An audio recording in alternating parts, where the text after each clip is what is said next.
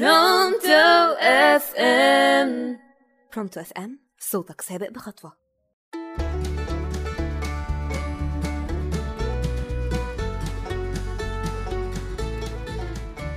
مساء الخير عليكم ورمضان كريم وكل سنة وأنتم طيبين. معاكم نانا من برنامج ببساطة ببساطة على راديو Pronto FM من موقعي هذا أنا مش هسيبكم. أيوة زي ما بقول لكم. الحلقة اللي فاتت اتكلمنا عن مفهوم السعادة بشكل عام وعن شوية غلطات بتعملها بتضيع منك سعادتك. وقلنا إن رمضان فرصة كبيرة ليك عشان ترجع تاني لفطرتك وتقدر تبسط نفسك بنفسك. وهو ده شعار حلقتنا اللي فاتت. يلا بينا نبدأ حلقة النهاردة وحلقتنا بعنوان الخلطة السحرية. النهارده بقى يا سيدي أنا جاي أتكلم معاكم شوية بشكل أوسع وأساعدكم بشوية حاجات ممكن عن طريقها توصل لخطه السعادة بتاعتك. بس الأول خليني أحكي لك عن شوية مناسبات غريبة بتحصل في العالم بخصوص موضوع السعادة ده. زي ما إحنا عارفين إن الهند بلد اليوجا واليوجا اللي ما يعرفهاش باختصار هي نوع من أنواع الرياضة والتأمل. بتساعدك تتخلص من مشاعرك السلبية وتعيش حياة أحسن وليها أنواع كتير منها يوجا الضحك. واللي في يوم من الأيام جه دكتور هندي حب ينشر الفكرة بتاعت يوجة الضحك دي ويخليها ثقافة معروفة وسط الناس. عمل حدث اسمه يوم الضحك العالمي وده عن طريق إنه بيجيب شوية ناس كده عشان يحضروا الحدث ده. ويبدأوا يمثلوا إن هما بيضحكوا بالتدريج. التمثيل بيتحول لحقيقة وبيبدأوا يضحكوا بجد. هنقف هنا شوية لأنك محتاج تسمع المعلومة دي. وهي ببساطة إن عقلك منقسم لجزئين. عقل واعي وده اللي أنت بتتعامل بيه في حياتك اليومية. وبيكون العقل الحاضر في اللحظة الحالية. والجزء التاني هو العقل اللاواعي وده تقدر تضحك عليه بسهولة وتوظفه لخدمتك. يعني أنت لو زعلان جدا ومشاعرك كلها سلبية لكن بتمثل إنك بتضحك وعملت رياكشنات الضحك على وشك. صحيح هيبقى شكلك غريب بس صدقني خلال دقايق بسيطة إن مشاعرك اتغيرت وإنك ما بقتش زعلان. حتى جربها وهتنبهر. بس خليك لوحدك عشان محدش يضحك عليك ها؟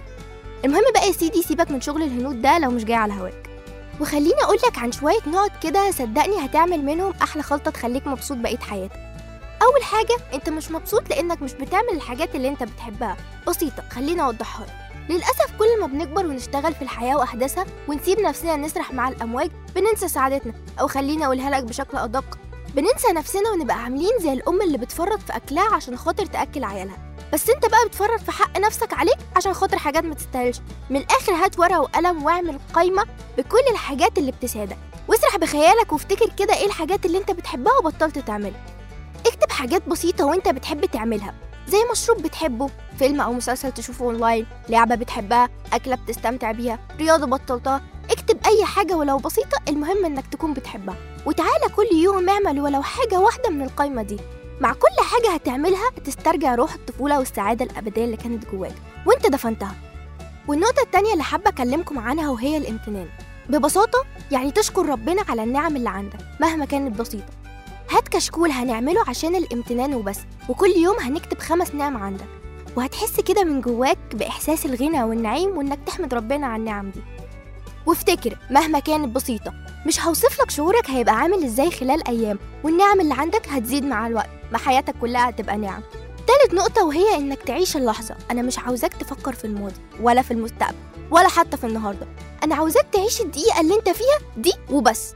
حتى لو أنت حاليا متضايق أو عندك شغل تقيل على قلبك أو دراسة مش حاببها جرب تعيش تفاصيل الحاجة المملة اللي أنت مش طايقها دي. ما أنت كده كده مجبر تعملها. يبقى غوص في تفاصيلها هتلاقيها اتفككت قدامك وصعبت عليك كمان. مش بعيد تحبها وتكمل حياتك فيها. ورابع وأهم نقطة هي إنك تدي السعادة للي حواليك. اللي عاوز أقوله لك إن السعادة الحقيقية بتلاقيها فعلا في العطاء.